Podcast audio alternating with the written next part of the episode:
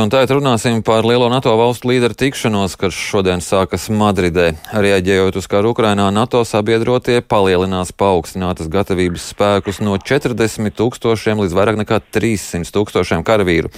Par to Madrides eh, tikšanās priekšvarā paziņojis NATO ģenerālsekretārs. Šīs būšot lielākās pārmaiņas alianses kolektīvajā aizsardzībā un atturēšanas politikā kopš augstā kara. Lai runātu par NATO valstu līderu tikšanos, esam sazinājušies ar aizsardzības ministru Artu Pabriku no attīstībai par. Uh, labrīt! Labrīt! Īsumā, kas ir tās galvenās lietas, ko Latvija sagaida no šīs NATO sanāksmes? Es teiktu tā, ka mēs, protams, sagaidām, lai eh, NATO organizācija un eh, pirmām kārtām jau visas NATO dalība valstis eh, skatītos ļoti nopietni uz pasaules mainīgo militāro situāciju un būtu gatavas gan militāri straujā tempā pilnveidot savus bruņotos spēkus, gan arī politiski gatavs rīkoties, ja tas nepieciešams. Savukārt NATO organizācijai kā tādai, um, nu, mainīt to dimensiju, kurā viņi varbūt bija iegājusi pirms uh, gadiem 15 uz tādu um, mierīgāku līdzās pastāvēšanu ar uh, tādu agresoru valsti kā Krieviju un konkrētajā gati, gadījumā kļūt uh, ar daudz nu, stingrākiem zobiem, es teiktu, nomainīt uh, piena zobus ar kaulu zobiem. Uh, tas būtu tas, ko mēs Baltijā un Latvijā sagaidām no NATO. Uh, Un man ir jāsaka, ka mums e, ir, nu, varbūt tās, ka Latvijas iedzīvotāji sekojuši, protams, pēdējās nedēļas arī tam, kādā veidā norisinās šīs sarunas par, par NATO spēku palielināšanu, par NATO e, vai dalību valsts klātbūtnes palielināšanu arī Baltijā, un mums šeit ir bijušas aizkulisēs ļoti, ļoti garas, ilgstos sarunas ar daudziem mūsu sabiedrotajiem, arī Jāņa naktī, gan ar uh, Otavu, gan ar Vašingtonu. Un um, es domāju, ka mēs esam panākuši samērā labu rezultātu arī par lielāku mūsu sabiedroto klātbūtni Latvijā, kā viens no pierādījumiem vai tādiem, nu, acīm redzamiem notikumiem ir, piemēram, šo pretgaisa raķešu aizsardzības sistēmas, pagaidām tikai vienas ierašanās Latvijā no Spānijas, eh, bet mēs arī sagaidām uh, jaunas paziņojumus no mūsu sabiedrotajiem, pirmām kārtām no kanādiešiem, par eh, šīs kaujas grupas, kas Latvijā ir lieluma palielināšana, par spēju palielināšanu Latvijā, un, protams, ka mums priekšā arī ir pašiem savs darbs. Pirmām kārtām nostiprināt bruņotos spēkus, eh, veicināt eh, pārējo institūciju, tā skaitā arī pašvaldību un ministriju gatavību un plānošanu tieši drošības jautājumos, un arī mm, liels darbs pie uzņemošās valsts uh, uzdevumiem, kas ir saistīti ar jaunu poligonu izveidi, ar,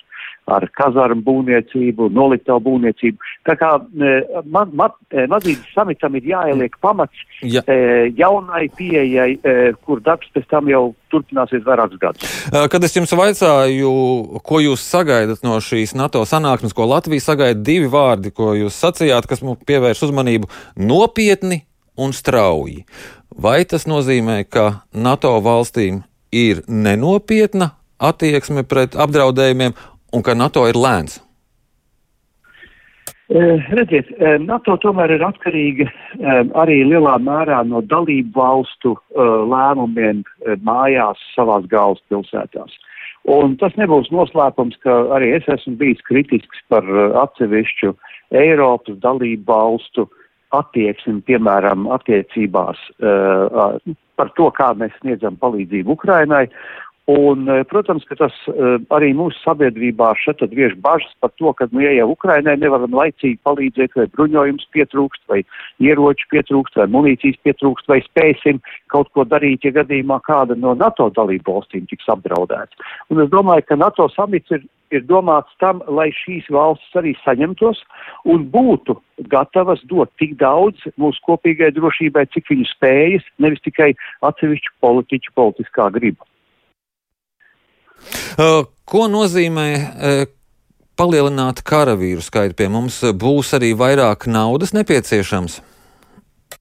Tātad mēs nedrīkstam noreducēt NATO klātbūtni Baltijā vai Latvijā tikai uz karavīru skaitu.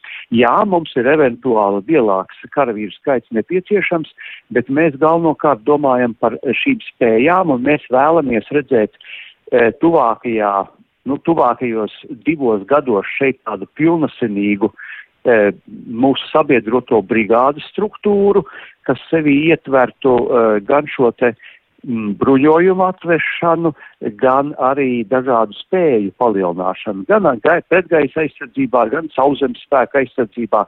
Uh, un uh, tas ir tas, ko mēs vēlamies pašlaik redzēt Latvijā, un tāpēc mums arī ir bijušas samērā mm, nu, garas un tādas nopietnas sarunas mums ar kanādiešiem, Igaunija ar Lielbritāniju un Lietuvai ar Vāciju un tām valstīm, kas ir iesaistītas pie viņām, un, protams, ar Amerikas Savienotajām valstīm. Tā kā tas nav tikai karavīru skaits. Jā, eh, bet lielāks karavīru skaits un šo spēju palielināšana, tas eh, mainītu to situāciju, ko minēja Igaunijas premjera, proti, ka uzbrukuma gadījumā NATO mūs atbrīvotu pēc tam, kad mēs būtu ieņemti. Nu, šī ir viena no lietām, par ko mēs jau pēdējā, pēdējos mēnešos visvairāk runājam, eh, par to, ka mums ir jābūt gataviem uh, Eh, eh, ar tādām spējām būt šeit uz vietas, lai eh, eventuālu Krievijas uzbrukumu varētu apturēt momentāli. Un šeit es tomēr kā nu, piemēru pievedu to 24. februāra rītu, kad pēc kara sākuma mums Lielvādas vidlaukā novaidās amerikāņu desantu vienības četras stundas tieši pēc šī kara sākuma. Tā kā es domāju, ka šī uh, um, attieksme daudzos analītiķos, militārijos analītiķos un militārijos domātājos ir mainījusies, bet man gan ir jāsaka, ka šeit um, Igaunijas premjeras Kalas izteikumi bija vairāk e, saistīti tieši ar viņas delegācijas vai viņas pārstāvi līdzinējo darbu Briselē, netik daudz par to, ka e, kā īstenībā NATO plāno aizstāvēt e, dažādas savas valstis vai teritorijas. Jo mm, šī domāšana, ka mēs nedrīkstam savu teritoriju vai tādam iebrucējam kā Krievijai atdot, es domāju, ka viņi jau diezgan e, ir tā stabili iesakņojusies visā mūsu alianses plānošanā. E, tad es gribu saprast, e, tad mēs ceram uz to, lai mums šīs spējas un karavīru skaits būtu tāds, lai uzbrukuma gadījumā apturētu, neļaujot mūs ieņemt. Tieši tā, jo, protams, ka mēs netaisamies šeit e, gaidīt, kamēr uh, vispirms atnāks Krievi, iekaros kādu. Mm, Bet tad tas būs. Tad, tad, tad šādu lēmumu pieņems šajā sanāksmē? Šāds, šāds lēmums nav jāpieņem, un tas nav politisks lēmums, jo pēc būtības tas ir tas, ko jebkura dalībvalsts sagaida no alianses, un šī domāšana ir mainījusies.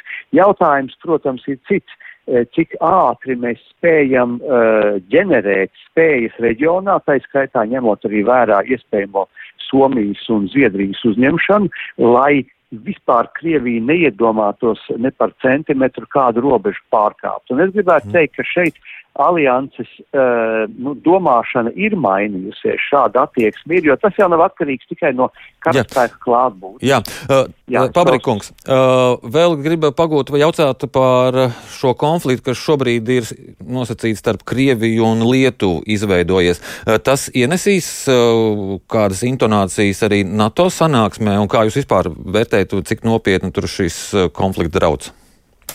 Es domāju, ka katru šādu uh, notikumu Krievijas propaganda un Krievijas propagandas narratīva ļoti veiksmīgi izmanto, lai ietekmētu sabiedriskos viedokļus rietumu valstīs, bet lielā mērā šis, um, šis jautājums par um, preču tranzītu ir saistīts ar Eiropas Savienības pieņemto lēmumu par sankcijām un viņa interpretāciju, un es domāju, ka šeit uh, tas būs ne tik daudz Eiropas Savienības, eh, es atvainojos, ne tik daudz NATO, samita jautājums, cik Eiropas Savienības uh, um, šo te sankciju interpretācijas piemērošana tieši šim te konkrētiem tranzītam caur Lietuvas teritoriju. Un cik man ir mhm. zināms, tad lietuvieši ir prasījuši Eiropas Savienībai skaidrojumu, vai viņiem ir jāliedz šādu preču tranzīts vai nav. Mm -hmm. Jā, man jāsaka jums paldies par šo sarunu. Atgādinu, ka mēs sazinājāmies ar aizsardzības ministru Artu Pabriku no attīstībai par un runājām par NATO valstu līderu, ka, līderu tikšanos, kas šodien sākas Madridē.